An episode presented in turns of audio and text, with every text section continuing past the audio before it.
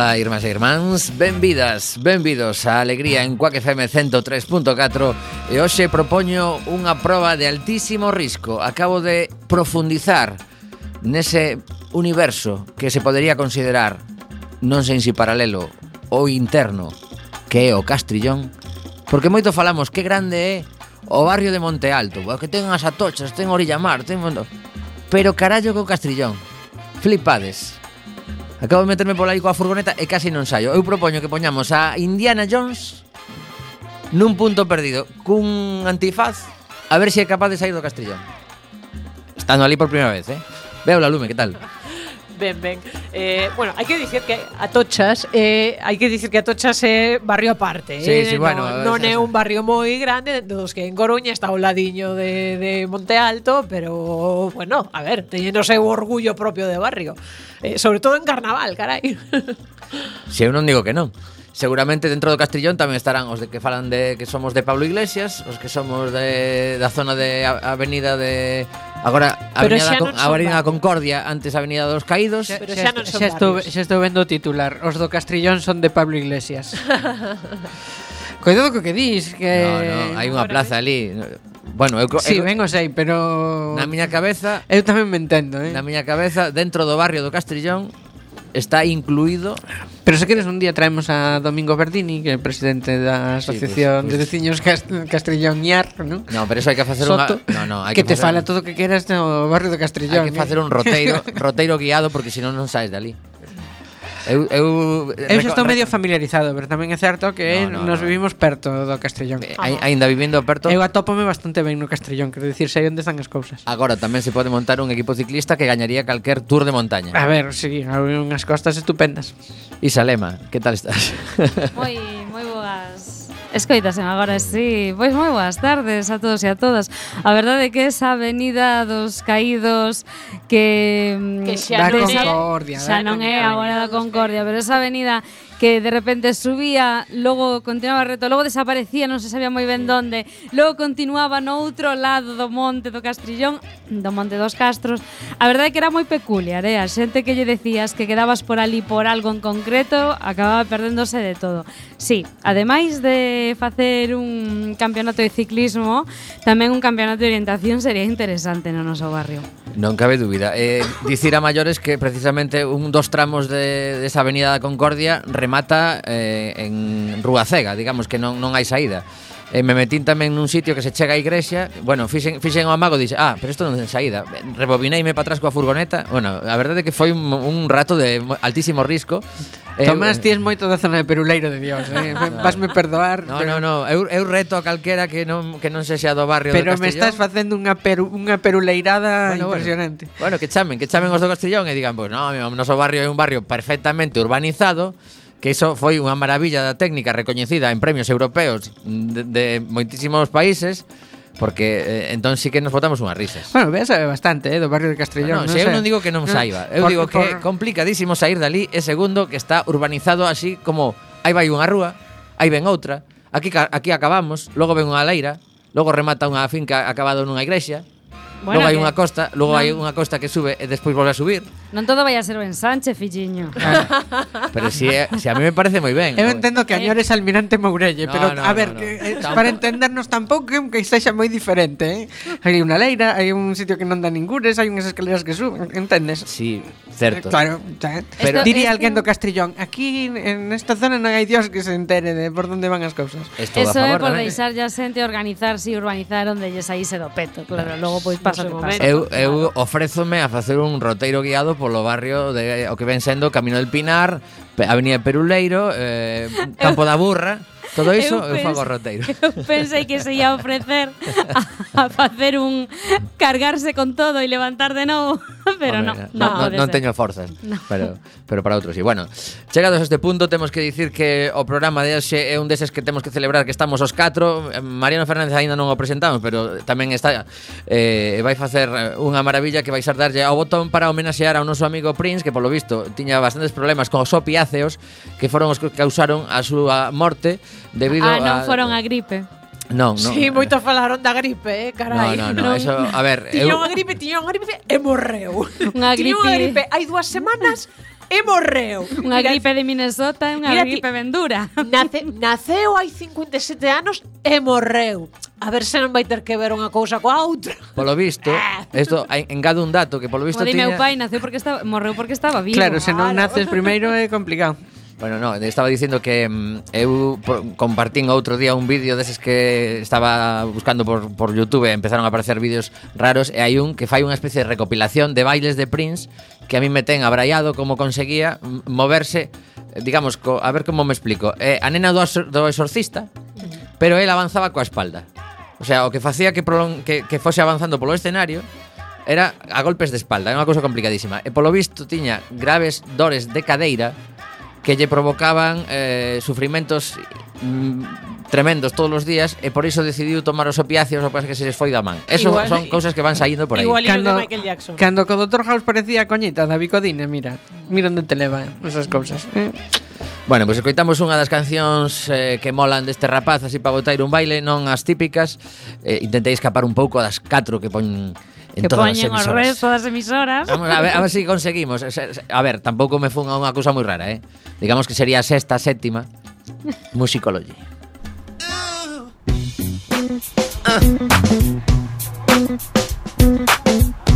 Heard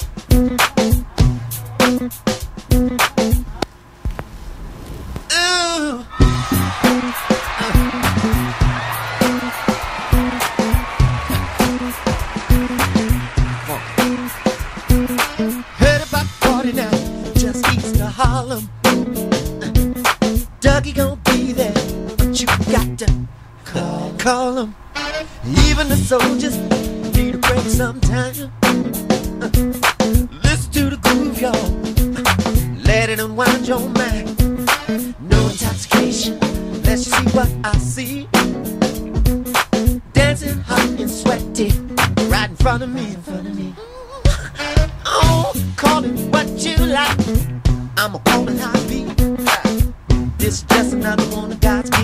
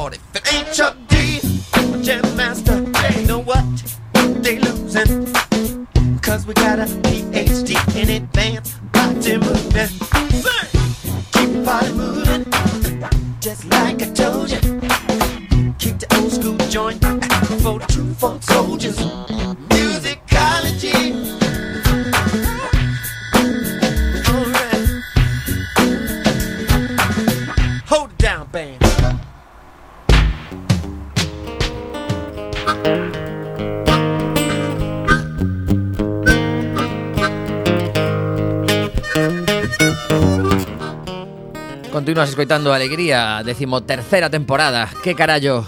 Juego de Tronos, sexta temporada. 13 en Alegría. Claro que sí. Ben, o que ia dicir é que... A 12 máis un que diría... Bueno, pero que a diferencia de que en Alegría ademais non morre todo Cristo. E a... Aquí estamos todos vivos e coleando. Sí, a veces non vimos, pero estamos vivos e coleando.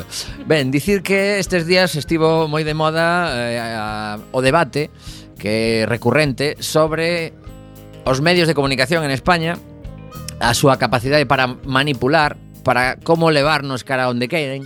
Eu vou facer un resumo do que aconteceu onte que xa o compartín tamén para os que me siguen en Facebook algunha vez que xa fixen un repaso de bastante medo do que vin durante os 15 primeiros minutos do telexornal de onte porque foi unha cousa destas que hoxe, hoxe repetín a experiencia E tamén Telexornal da Galega. Da Galega, das Ateo de, Deporte de alto risco. Wow. Efectivamente. É como ler a voz en ayunas. Claro, mm. lembremos que cando falamos do problema da seguridade social, que tiñan malas cotizacións un montón de traballadores da TVG, eh, falamos con Raquel Lema, unha das, das sindicalistas, e quedamos en que en algún momento retomaríamos o tema da manipula manipulación informativa e hai un blog que vos recomendo que botedes un ollo de cando en vez que se chama eunomanipulo.wordpress.com E aí falan con bastante frecuencia de cousas que fai eh, pois, o, o equipo responsable das novas que nos chegan a moitos de nós. Entón, eu leo o que, o que teño apuntado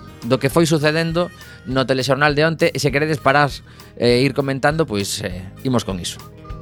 O primeiro foi unha ronda de contactos do rei Felipe VI cos partidos minoritarios. Aí nos informaron Eh, curiosamente, a que máis eh, tivo mm, tempo en pantalla foi a de Coalición Canaria que culpou a Podemos de que non hai un acordo que durante 4 días ela estaba nunhas negociacións nas que Podemos planteouse absterse e que eh, Pedro Sánchez fose presidente. Pero mm, di que nalgún momento por culpa de algunhas persoas de Podemos eso desbotouse e xa nunca máis.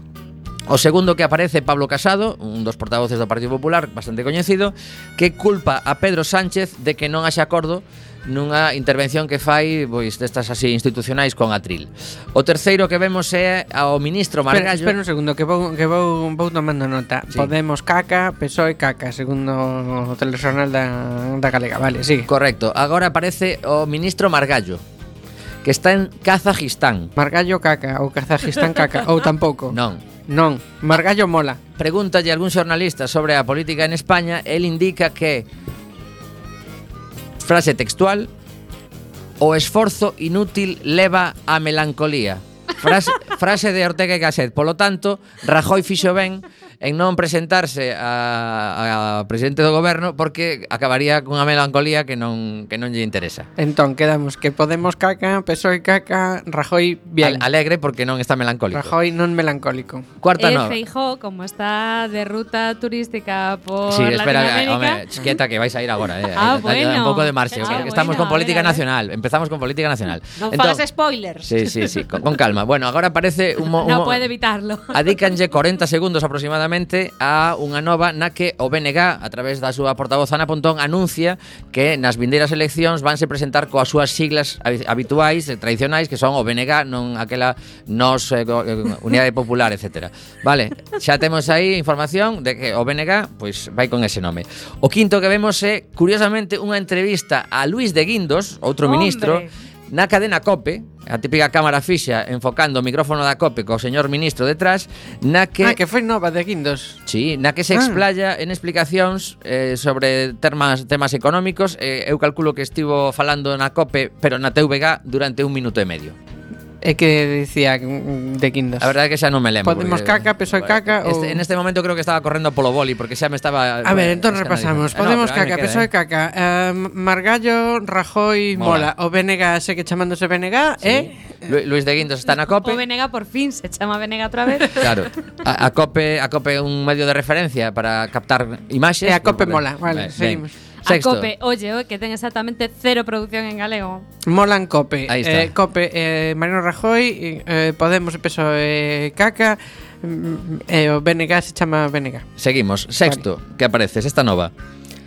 Alberto Núñez Feijo está en Uruguai.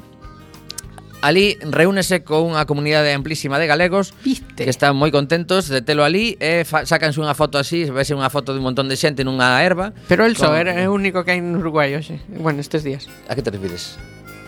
Non, é que eu, nada, nada. Vale, sigue, bueno, pois pues eso, que Feijó está ali, hoxe tamén falaron de que Feijó sigue ali, hoxe se, se reunía co, Feijó co está ali, presidente. Feijó sigue ali. Sí, Vale, eh, vale. co presidente hoxe. Esta, isto foi o de ante, o de onte. On, hoxe era a xuntanza co presidente ao que convidou a vir a Galicia a explicar os seus proxectos por si hai colaboración. Ao presidente de agora. De Uruguai, sí. Xa. Despois temos eh, os, a sétima nova, follón importante no pleno de Vigo. Hai ah, hai tres amigo. familias, tres familias que están a piques de ser desaficiadas. Pero, pero, pero que tipo de follón importante pode haber no pleno de Vigo que hai unha maioría, non é que absoluta, é que total no, dun no, partido. A ver, o, o follón venden de agrada. Ah. De, o graderío. O graderío, os, os tres, eh, eh bueno, tres. El gallinero, el gallinero. Tres familias que están a piques de ser desaficiadas e que berran ao alcalde porque eh, consideran que non está facendo nada por el. E aparece Abel Caballero dicindo que mentras el sexa alcalde de Vigo, ninguén vai a perder a súa vivenda na súa cidade. Um, basicamente peso de caca outra vez, non? A ver, basicamente o, o tema foi que votaron en contra eh, o, o Partido Popular Non, miento, espera, a ver como era a cousa Ah, o, o Partido Popular propuxo que o, o Concello de Vigo se adherise a un eh, sistema de eh, cesión de vivendas que ten a Xunta de Galicia Ai, sí. Foi rexeitado por eh, Abel Caballero e tamén polo visto eh, votou a favor, non, abstívose Podemos. Mm. Podemos en Marea ou como se xa en Vigo, como se chamen ali. Vale. Vigo en común ou algo. Entón, a, a, favor de Vigo. A favor de que a Xunta lles deixe vivendas valeiras aos de Vigo, votou o Partido Popular en contra o Partido Socialista e abstívose. A ver, pasa, pasa unha cousa espectacular con ese con, con esa bul, con esa bolsa de, de vivendas da Xunta que que sempre recurre eh, o Partido Popular é que é unha especie de, de bolsa de vivendas fantasma que ninguén sabe onde están, non? Unha cousa así un pouco rara. Uh, bueno, pues existe, eu non digo que non exista, A ver as ailas, eu non as vin, pero Pois esa era a seguinte nova do Telexornal. Continuamos. Según máis, la... máis, máis, máis Telexornal. Sí, sí, sí. Joder. me quedan tres. Impresionante. Me quedan tres. Según La Razón, Outro medio de referencia. A ver. Ciudadanos se finanzou de forma ilegal a través de aportacións dos seus grupos municipais que son obligados a mandar os cartos que reciben Ai, Ciudadanos Caca, esta non é tiña. Que reciben eh, como aportación por por ter eh concelleiros uh -huh. a central do partido. Pero eh, iso é o clásico imposto revolucionario que teñen todos os partidos. Xa, pero polo visto eh, os, os eh, concelleiros de algúns eh, municipios estaban indicando a a Organización Nacional do Partido que dende a intervención lles dicían que esas contas non eran para iso que non se podía facer. E agora polo visto está rascando aí nese tema la razón. Pero vale. que non se podía a, a ver. As donacións. Os ticos teus cartos fas o que che dé a gana. Pois eh, pregúntalle a eles. Ai, ainda sacaron outro, outra vez o tema hoxe. A ver a que chamar o comisario Maruenda, no, no. a ver que, que a, ver, a ver a que andar galla, na, que andar gallando. Na, segun, na seguinte ca canción buscamos un momento a nova porque isto ten tela, eh. Despois, o, o noveno punto informa ABC. Xa levamos a BC, a COPE e a Razón. Exacto. Vale. Eh, de feito, teño aquí apuntado que... Bueno, é, basicamente a Televisión de Galicia non ten redactores nin redactoras porque todo o fan os medios de cobertura nacional. Bueno, pues, eh, por chamarlle medios eh, a, a eso que... Eh? Unha parte importante. Eh, neste caso, a BC está co tema de, de manos limpias que se levaron a pasta o ganso para a casa os, oh, me os van máximos. dar unhas, unhas boas tortas a alguén que as merece, por lo sí, menos. Sí, vale. sí, Os de manos limpias son, menos mal. son malísimos.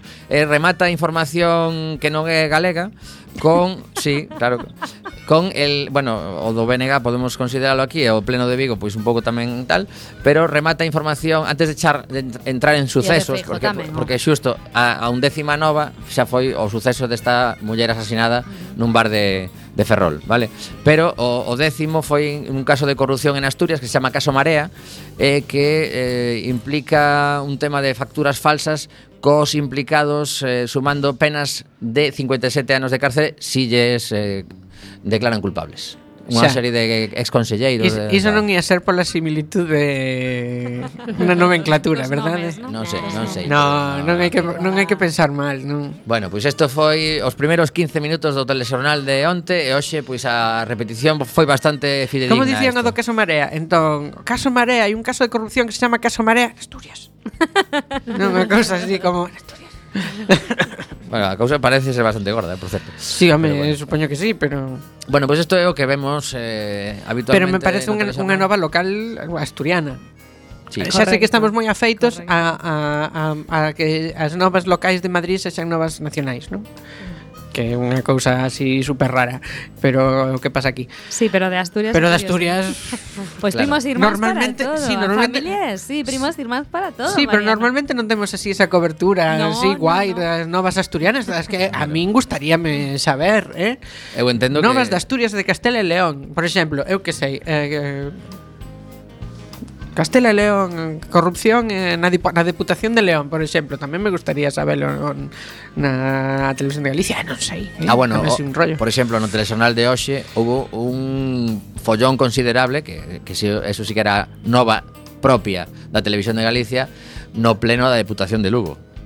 Outro máis. Buf. Outra vaca no eh, millo. Votaron todos en contra do plan de obras e servizos porque houve unhas emendas a última hora por parte do Partido Popular e deste independente que ia ser ia ser A que me soa a min eso? Do Partido Socialista. Acabo de ter un déjà vu. Sí, pois pues meter, meter sí. unhas emendas a última hora, entón que descontruñaba, descontruñaba o tema e les, les botaban en cara que si, si con esas emendas ían modificar o orzamento que aínda non está aprobado, entón decidiron todos votar en contra. Ajá.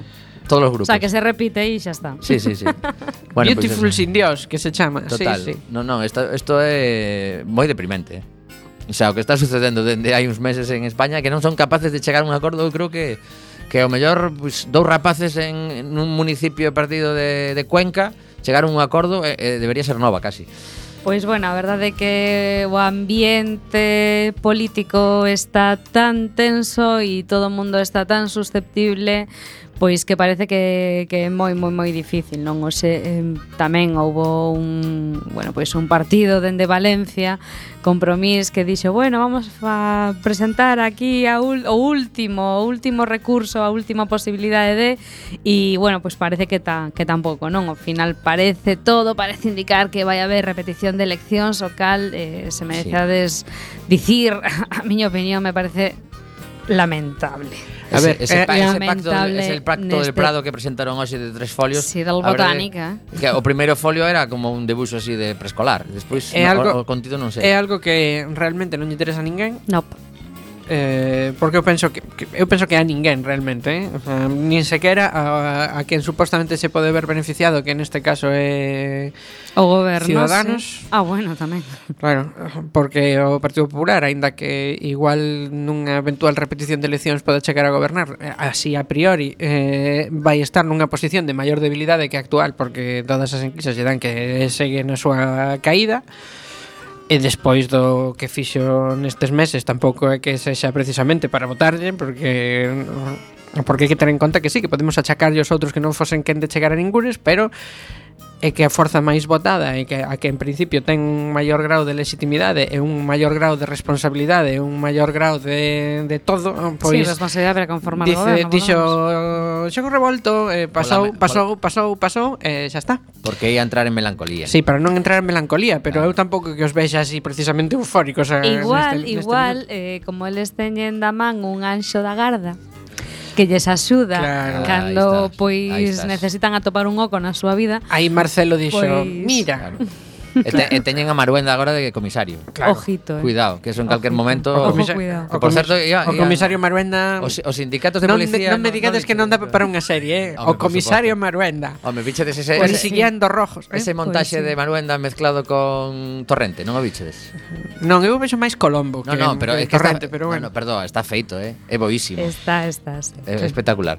Bueno, eu, eu ia mm, rematar comentando se, se, bueno, se queredes dicir algo máis, pues, o, o engadimos en problema. Pero pero a verdade é que mm, eso que estaba comentando agora Mariano de que seguramente sexa a forza máis votada unha vez máis o, o Partido Popular realmente o, o resto de grupos políticos que critican tan duramente ao goberno por non aparecer no Parlamento para dar explicacións do que están facendo como goberno en funcións, que esa foi gordísima, me parece, dende o meu punto de vista, xa debería quedar excluídos de todo tipo de pacto polos próximos 20 anos por saltarse as mínimas normas de cordialidade co Parlamento e dicir, bueno, vale, somos o goberno en funcións, aínda que sexa dar a cara e aparecer ali. A ver, non é unha cuestión de cordialidade, é algo moito máis Sí, sí, sí, grave. Dixen, aínda que só sexa por cordialidade xa. para non romper todas as pontes co resto de grupos políticos de cara aos vindeiros anos. Hai unha cousa que se chama uh, control parlamentario. Do, control parlamentario do poder executivo, é un é basicamente saltarse a separación de poderes porque como estamos en funciones, tal, É un escándalo é un pouco, É un pouco, como estamos en funcións, podemos ir matando xente que o judicial tampouco nos pode dicir nada. Non é unha cousa así como como bastante tremenda, cando ademais eh, digamos que este goberno se tomou o seu período en funcións dun xeito bastante laxo interpretou o concepto de en funcións porque as materias de trámite entre aspas que, que solventou moi de trámite, moi de trámite tampouco eran eh? Entre, bueno, algunhas sí, evidentemente, as de trámite as fixeron, pero outras que non son de trámite tamén, como por exemplo o nomeamento do ínclito ou, por exemplo, aínda, o sea, porque o de Marventa non deixa de ser unha, unha anécdota, pero sí que tomaron decisiones trascendentes como a prórroga de Ence, por exemplo, sí, correcto. que non era necesaria neste momento, que non tocaba, eh, adiantaron porque sí, directamente. Ademais non dis 15 anos, 20 anos, non, 60. Non, claro, quero dicir, eh, non sometes eso ao control parlamentario Uh, pois claro, mm, a ver, iso cando ao Partido Popular é moi dado de, de chamar os demais, dicir que son antisistema, cousas así. A min se me ocorren poucas cousas máis antisistema realmente que eludir o control do legislativo, sí, sí, sinceramente. Está, está clarísimo. De feito teño unha nova que publica os nosos amigos de praza.gal que é a seguinte Os deputados galegos do Partido Popular e Ciudadanos Ese que gañou que non sabía a que ia a Madrid non presentaron nin unha soa iniciativa nestes 4 meses como parlamentarios. Para qué? Total, é que si tontería. É para evitar a melancolía tamén. Claro, claro. Si está de Porque vacacións. Dice, é que vou facer un esforzo para que para mandarlle un, un goberno que está en funcións, está aí sacando os papeles máis urxentes, pero o resto non os vai sí, facer. Para caso. un goberno que está en funcións e non sabemos nin quen son porque claro. non veñen por aquí.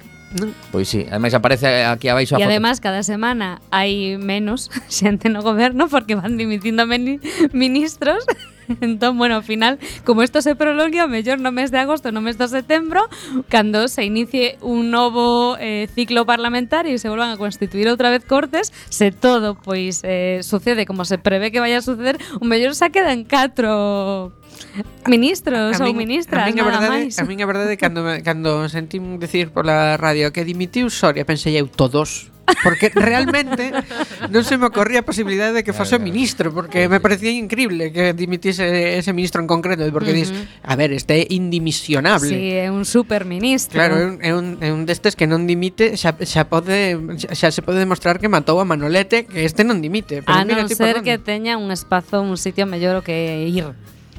Home, igual ten algún Claro, consello de claro. administración, eu que sei, en algún paraíso fiscal exótico. Efectivamente, exótico e erótico. bueno, é curioso, é peculiar, é absolutamente lamentable que, que este pasando isto, pero parece que tampouco pois os da bancada de, de enfronte, os da bancada non popular, tampouco se poñen de acordo, así que vai haber eleccións, pois rapaces sí. rapazas. Pois sí, o 26 de xuño parece ser que a, a data elexida xa hai, en pleno veraniño. Da pereza, eh? Muitísima, muitísima. É, é, como Como, unha preguiza grande. Como, e melancolía. Como empecen xa sí. dentro de, de, de a semana que ven con campaña electoral todas as fines de semana facendo outra vez a turnesa que fan por toda España con miles de persoas chegadas ás prazas de touros e similares. Pero non vai haber, eu creo que ninguén, ningún dos partidos vai ter, bueno, igual Podemos, pero eu creo que a maioría dos partidos non van a ter a miles de persoas en prazas de, de touros ou prazas... Sí, o Partido Popular si pon Sinceramente, esas comidas eu, boas que eu creo que non. O Partido eh. Popular xa non encheu na, no, nas, no, no. nas na anterior non encheu nin bueno, en Valencia, reducirán, rapaces. Reducirán os espazos. Nin en, ah, bueno, eso sí. Eso sí. En vez de coller o auditorio daqui da Coruña, pois pues, irán a claro, collen o pabellón dos deportes, ali onde xogan os rapaces do hockey, que máis, a verdade é que máis cativo. É, é máis cativiño, estás eh, máis rodeadiño, máis é, eh, sí, xusto. A ver, eu o que penso é que é que ademais eh, vai ser paná. Bueno, no, me, ah, un pouco de penso, a ver. No, porque quero dicir, dentro, en, eu o, o meu pronóstico é sí, veña que pronóstico. Primeiro, primeira pregunta. Haberá pacto Podemos Esquerda Unida? Sí. Eu penso que sí. Sí, sí, Bea? Sí. sí. Vale. Eu penso que en xullo a situación vai ser moi similar a que temos agora. Se, se, se non houvese pacto Podemos Esquerda Unida, sí que podería haber uh, unha maioría eh, PP Ciudadanos posiblemente, porque xa sabemos que o voto de esquerda se desilusiona moi rapidamente que o voto de dereita ou se desmotiva ou penaliza moito máis que o voto de sí, dereita. É máis crítico. É moito máis crítico, pero se tes unha, unha coalición das dúas grandes forzas de esquerda a nivel estatal, aí compensas. Eh, porque é prácticamente un millón de votos que se perdían que ian aí a ningures sí. que van entrar outra vez no, no cómputo. Entón, eu o que auguro é unha cousa moi similar a que tivemos agora, o que pasa é que eh,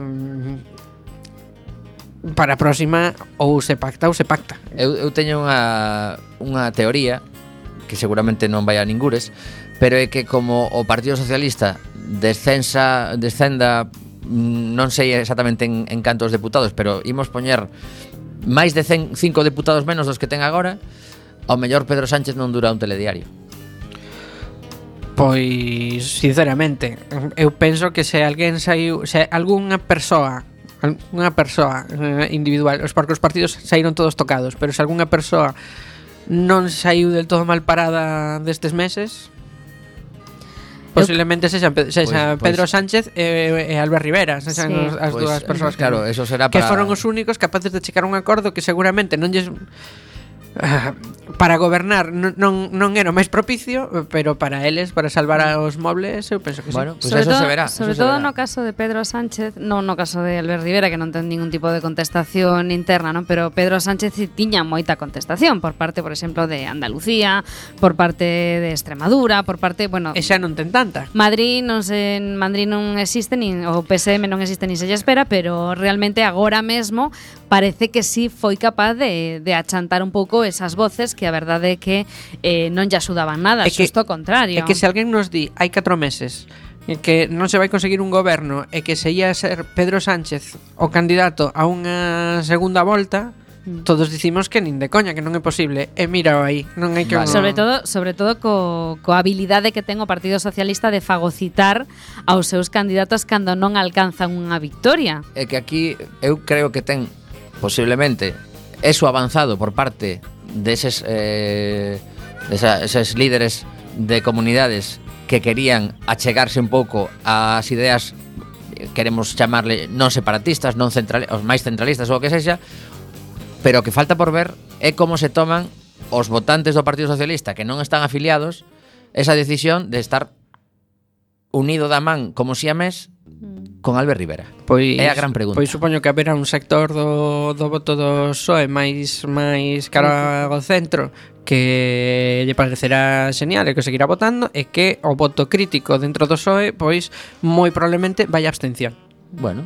Ou vai a ponderar. Ou, ou vai a ponderar. Claro, claro. Hai moito hai moito votante do Partido Socialista que é un votante que fai unha reflexión sobre onde é o meu voto máis útil. Claro, depende do sitio. A ver, hai sitios nos que para un que para un simpatizante socialista lle resulta máis doado votar unha alternativa que a outros. Por exemplo, en Valencia non van ter ningún problema. Mm-hmm. Claro, pero en Castilla León Pero en Castilla León igual se lles fai moi árido votar a votar a marca Podemos sí, sí, Esquerda sí. Unida porque xa sabemos que, eh, que xa sabemos os vicios de cada sector político, vale, ¿no? o vicio da dereita é autoritarismo, o vicio da esquerda é o sectarismo, isto eu, eu plantexo parece unha, unha opción. Eh, temos que rematar que temos unha entrevista moi interesante pendente de, de facer.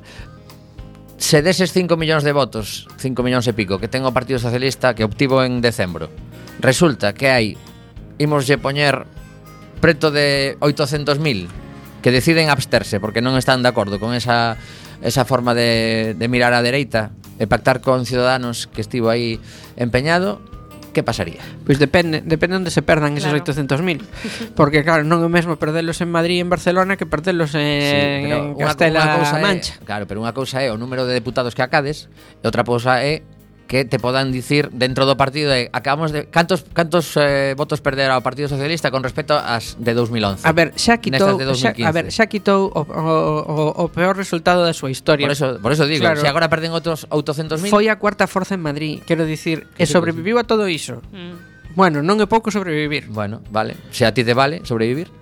Uh, non, a mí non me ten que valer, o que me vale a él que No, no, que, pero outra cosa é que que, que, que estaba eso... no, no punto de mira de, de sectores moi importantes dentro do seu partido. Eu penso que as cousas hai que os méritos da xente hai que recoñecer, hai que recoñecer. No, no, si, sí, para quedarse No, iso non é só iso, tiño en contra a un grupo mediático moi importante, que era el país que tiña clarísimamente que, que estaba en contra. Outra persoa, sí. Claro, les tiña moi claro quenes iban a ser os candidatos, etcétera, etcétera. É dicir, eu, a ver, dentro todo do que, dende meu punto de vista, me parece un error bastante grave, pero isto é unha opinión persoal, me parece bastante grave facer ese pacto xusto con, con Ciudadanos, me parece grave, aínda así considero que a imaxe de Pedro Sánchez non o mellora de todo o seu equipo, pero considero que a imaxe de Pedro Sánchez si saiu reforzada de este, sobre todo internamente reforzada, porque se si ti non contas nin sequera co apoio dos teus militantes, a para que sí, te sí, presentas. Sí. Non, non, hai que recoñecer que ese pacto que foi se... refrendado polo 80% dos que foron a votar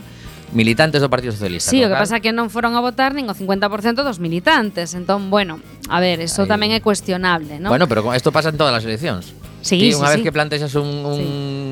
pues, en este caso unha enquisa interna, eh, eh, os que non van cedenlle a responsabilidade aos demais, pois entón hmm. ten que ten que tirar para diante con ese Claro, 80%, pero que é unha claro. visión moi instrumentalista, decir, mm, cales son as posibilidades que temos de cambiar este goberno no que non nos interesa, con quen podemos pactar para chegar hasta aí, bueno, pois eh, Home, están aí, non? O sea, que decir, un... o rol do Partido Socialista dende, dende logo ten que ser propositivo, porque si van, si vai a rebufo de outras organizacións políticas, está abocado a absoluto fracaso, é dicir, e un partido de 140 anos de historia, 136 anos de historia, non se pode permitir iso, non? Sí, bueno, eu, eu insisto que para min o momento no que se asina ese documento con toda a luz e taquígrafos é o, o, o erro porque dende o meu punto de vista que é un negocio con ciudadanos e chega un acordo e diga, vale, temos este documento pero antes de asinalo diante de todos e dicir estamos unidos a sangre imos falar cos demais a ver se si quedamos cun documento que podamos asinar os catro E iso non, faz, non pasou, en dende ese momento para min chegaron a un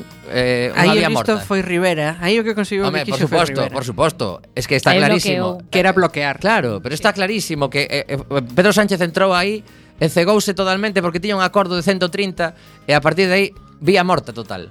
Pero bueno, imos cunha concienciña, chegan uns americanos de Chicago a En todo caso non ian gobernar porque non teñan maioría. Bueno, eu, eu, eu insisto que a vía morta estaba aí. Se no. non asinasen, podían seguir falando. En calquera Pero caso, da igual, máis, non había maioría. Sería un goberno tremendamente débil, eh, sí. que a legislatura sería Dous anos. O sea, que estades, Dous anos como estades, moitísimo. Estades casi contentos de que haxa novas eleccións. Non, contentos non, no, porque non, pero a ver. pero re realmente tampouco tampouco é unha cousa tan extraña nin Ah, non, non, extraña non. nin nin ia pasar tantísimo tempo até que houvese unhas novas eleccións. Esta legislatura era imposible que se esgotara con os equilibrios que hai. Sobre todo coa pouca, por un lado a pouca e experiencia. E co que ven, e co que ven. Claro Claro, claro. porque claro, o goberno que goberne estes anos vai ter que aplicar unha serie de medidas. Sí, sí, hoxe mesmo. Xa lle dixeron, que... hai que recortar dos orzamentos actuais 4.000 millóns de euros máis, no que queda de ano. Ben, 6 e 38, escoitamos a uns tipos que chegan á cidade este xoves, van a actuar na sala Mardi Gras, eh, molan moitísimo, para os que lle guste este estilo de musical, chámanse de Steve Water Band e presentan novo disco Shake Your Faith, Axita a túa fe, que non está de máis. Música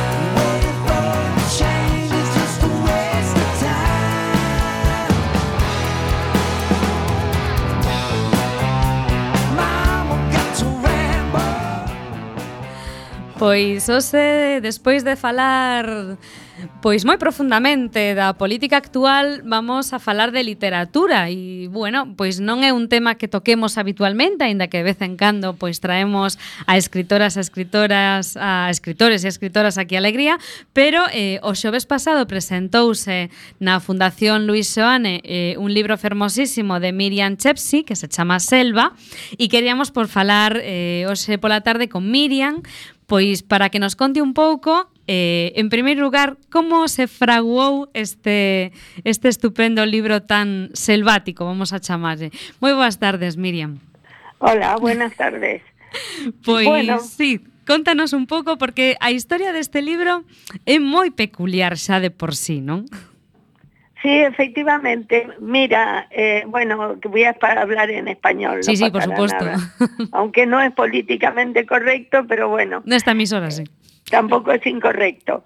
Eh, mira, eh, fue una extraña historia porque yo escribía muchos relatos y realmente tenía en mi cabeza escribir una novela, pero no me decidía porque era, bueno, como hacer un viaje largo cuando uno está acostumbrado a hacer el viaje en autobús de la casa al trabajo. Y entonces, claro, es muy difícil tomar la decisión. Y entonces me hicieron una invitación, un amigo que in- intentaba escribir una novela basada en un cuento que había escrito, que era la historia de lo que le pasaba a una mujer y a su hijo. Una noche ella trabajaba en un teatro de revistas, de, de striptease y esas cosas. En la noche en que pasaba algo especial con la abuela de ella con la que vivía. Y entonces me dice, ¿qué te parece si escribes la historia de esa mujer que como un primer tomo, como si fuera una novela en dos tomos, totalmente independientes, escritos por distintas personas, pero de alguna ma- manera enlazados, porque el personaje de la nieta y el bisnieto iban a estar obviamente, si vivían con la abuela, en el primer tomo también, entonces era como una saga, ¿no? Y bueno, y yo le dije que sí sin pensarlo dos veces. Y, y, bueno, era totalmente libre. Lo único que yo sabía es que, la no- que esa noche especial de la abuela iba a estar con su nieta y su bisnieto. Tampoco significara que no existía nadie más en el mundo con ellos. Podían estar afuera, estar de viaje. O sea, no había así un condicionante absoluto. Y, y eso sí, me dijo que le gustaría que naciera en el año 30, en el día en que realmente yo hice nacer a Selva. Y bueno, y de ahí, de, esa, de eso tan, tan pequeñito, ¿no? Como si te hacen hacer una casa y te dicen, a mí me gustaría que la cocina sea de carbón y, y que quede en la provincia de Lugo, por ejemplo. y a partir de eso tú te imaginas la casa, la familia, todo. Uh. E este libro non está pois eh, pensado na provincia de Lugo, sino que está pensado nos anos 30, como comentabas, e está pensado en Buenos Aires, non? E ademais aproveitaches, aproveitaches para facer e para falar e describir un pouco o contexto de Buenos Aires nos maravillosos anos 30 e 40, non? Bueno, maravilloso más o menos, porque empieza con un golpe de Estado, pero bueno. Bueno, festa. Eh, pero sí, lo que pasa es que realmente la ciudad, esa ciudad y después otra, porque ella y la gente con la que vive, porque es una novela que se llama Selva porque es el principal, el, el personaje principal, el eje, pero como bien dijo el otro día uno de los eh, que estaban en la mesa, Juan Mariñas, eh, es como un árbol, ¿no? Porque es ella y es de alguna manera la familia que se va armando a su alrededor. Y entonces hay viajes a, hay gente que vive en el Uruguay, en el Perú, en, en París, en Madrid. Bueno, realmente lugares todos en los que yo estuve alguna vez y que los viví tal como los cuento ahí. O sea, el escenario, eh, yo necesité hacerlo un escenario que yo dominaba y conocía. Y en ese escenario fui metiendo a la gente que inventé, a los personajes. Pero Miriam, eso, Miriam Chepsi eh, como nome artístico dunha arquitecta mm, argentina, como poidedes escoitar co seu acento, pero que leva moitísimos anos vivindo na Coruña, así que tamén é unha arquitecta coruñesa e unha profesora, unha ex profesora xa xubilada da Facultade da Escola de, de Arquitectura aquí da Universidade da Coruña. Ela profesionalmente chamase Miriam Bolulov, pero artística... No, Golubov. Golubov, pero artísticamente chamase Miriam Chepsi para para falar un pouco tamén desta transición, non de dun, dunha profesión como é a arquitectura e, e a docencia, pois cambiamos e evolucionamos cara pois unha un, unha escritora, non? Unha profesión xa con cando te xubilas, entre comillas, non? Pois eh, cando xa empezaches pois a publicar estos libros de relatos como Mundos Imaginarios que publicaches hai dous anos e agora pois Elba, non? Como esa transición? Como, como decidiches cambiar de vida e de carreira? Bueno, mira, yo no decidí nada. Eh, las cosas se fueron dando. Yo, como eso alguna gente me lo pregunta, y lo estaba pensando por si me lo preguntabas, no llegué a ninguna conclusión así absoluta. Pero yo también, la profesión que a mí me gustaba mucho, mucho la docencia y también la propia profesión, pero siempre la ataqué desde un punto de vista, si bien me siempre me gustó el tema de los materiales y estudiar bien los detalles y la técnica, de un punto de vista como humano. Yo siempre pensaba las casas, los espacios para cada persona de la casa, eh, más que partir de la forma, llegaba la forma a través de, de, cómo yo me imaginaba que querían vivir o cómo se relacionaban. Y de alguna manera también hago lo mismo en la escritura, en la literatura, porque tú puedes empezar la literatura desde la forma, pensar una uh -huh. manera de escribir o tal. Y a mí más bien lo que me nace imaginar o lo que se va dando son las relaciones humanas Así que de alguna manera hay una constante, pero yo empecé de casualidad también, igual que la novela, porque un amigo me dijo en un bar, ¿sabes hay un, unos concursos de minificciones? Que, que a su vez una amiga de él participaba en ellos.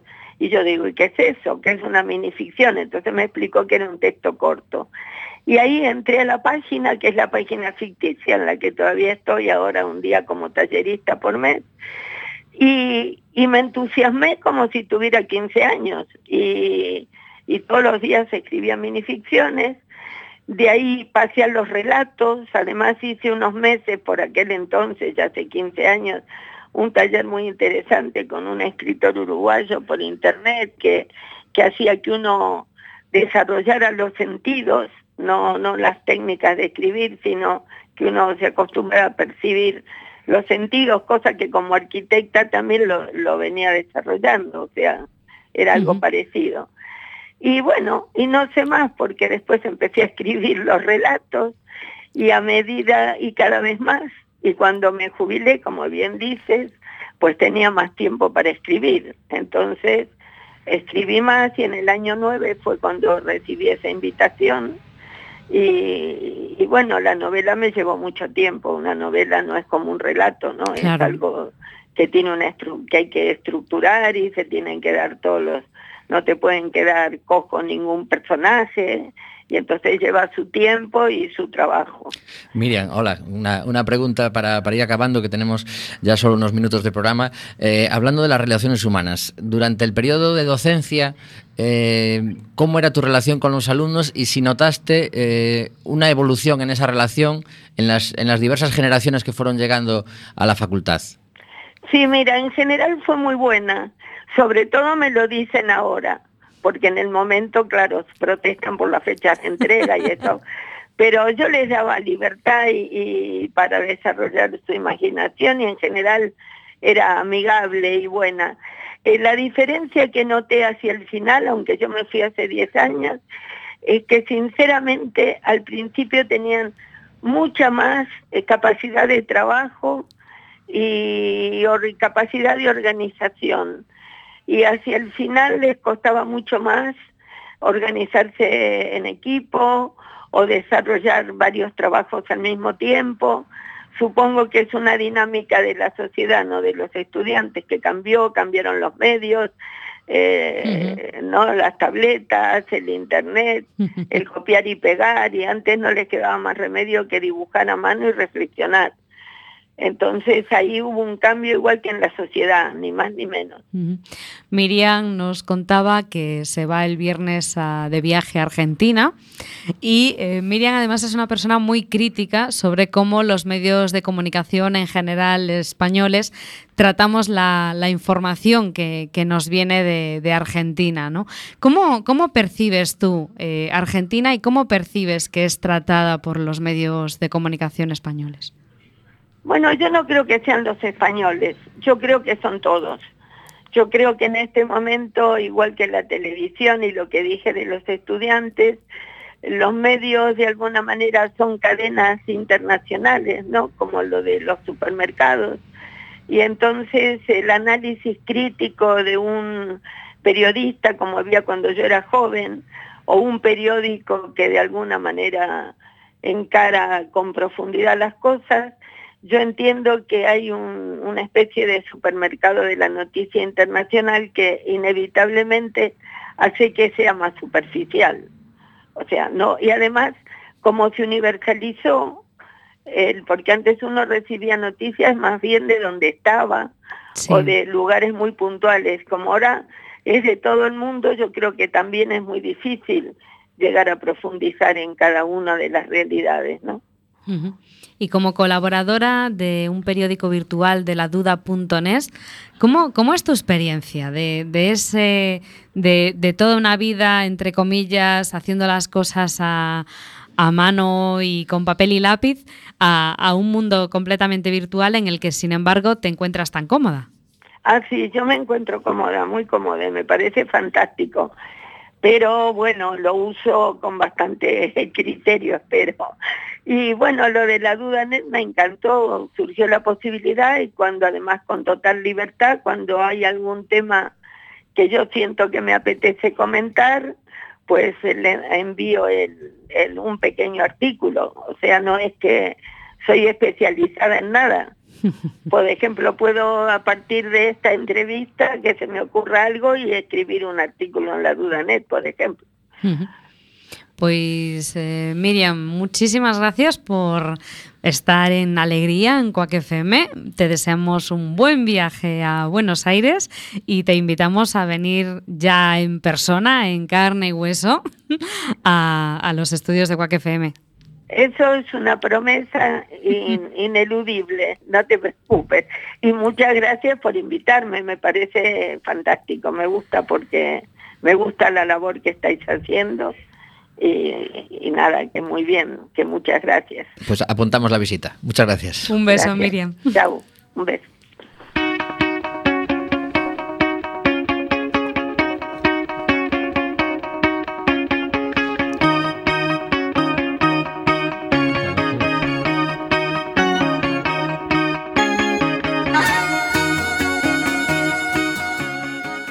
Continuamos en Cuac FM 103.4 no teu dial Estás escoitando Alegría. Son as 6 e 53 minutos deste martes 26, creo de eh, eh, abril de 2016 e xa sabes que se non nos escoitas neste ano, neste mes, nesta hora, neste día e que estamos en redifusión.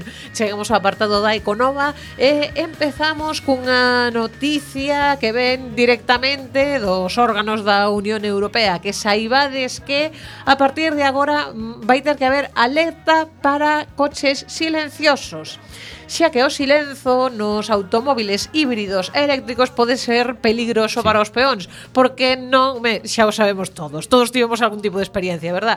Porque non nos escoitamos acercarse especialmente cando van a baixas velocidades. Os autos híbridos e eléctricos deberán incluir unha alerta sonora para evitar accidentes segundo unha nova normativa da Comisión Económica para Europa, a UNEC. A UNEC indicou que os estudios demostraron que eh, estos automóviles presentan un risco máis elevado de atropellar transeúntes que os autos convencionais. Sumándolle Hai... que a xente vai agora co móvil super confiada en que como non ven ninguén porque non o escoita, sí, vou coa pantalla. Confiaste moitísimo. Incluso hai xente que mira o bebir Sí, sí. E, e cruza tira. ¿eh? igual porque porque como non fai ruido, entende sí. que está parado, sí. Sí, sí, é certo. Esta norma exixe o uso dunha alerta acústica para crear crear un ruido artificial, pero só en velocidades ata 20 km por hora. Por qué? Porque din que por enriba deste nivel non é necesario utilizar este dispositivo, xa que eh, as mesmas rodas sobre a estrada e o vento polo movimento do vehículo fan son suficiente bueno. como para eu penso o mesmo. Sí. Eu diría que... que... Que lles costa deixar o ruido, por si acaso. Sí, xa sí. que o faz... Polo menos a, vel a velocidades, digamos, de cidade. Mm, sí, ata Pon 50, aí, ata, vale. sí, 50, 60 km hora, eu metería este ruido, pero bueno... E a ver que ruido meten, de eh. momento, eh? Tamén, tamén, esa vai ser outra. O me dixeron que se vai ser... É como un... no móvil, seleccionar... A ver que ruido meten. Se como o cheiro do gas, vale. A ver, unha cousa Home, así a idea que... que non sexa tan, bueno, atronador como como son dos Claro, coches, claro. é un, Xa que temos un os son que vehículos se eléctricos, escoite, claro. pero que non Vai ser así unha especie de ruido rosa. Bueno, algo, o, algo que nos avise. Non un pitidiño nin cousas destas. O que tampouco porque senón sei... acabamos desquiciados todos. Un zumbido. A ver, que quedan 40 segundos. o que tampouco sei porque non o di esta nova é se que a partir de agora teñen que fabricar os coches así ou se os vehículos que xa, xa existen teñen que metelo tamén. É a miña dúbida, pero bueno, enterarémonos co tempo. E xa temos que marchar, non pois pues conto sí. nada máis. A verdade é que o programa de hoxe escapouse así dos dedos, dicir que hoxe é aniversario de dúas desgracias importantísimas, bueno, unha provocada e outra sen sen intención, pero ao final sí, pois pues aí Chernóbil e tamén o aniversario do bombardeo sobre Guernica. Así que vos deixamos na compañía de Recendo e voltaremos o vindeiro martes. Ah, a tomar que Ainda que non estaremos todos, non vai ser así. Viva!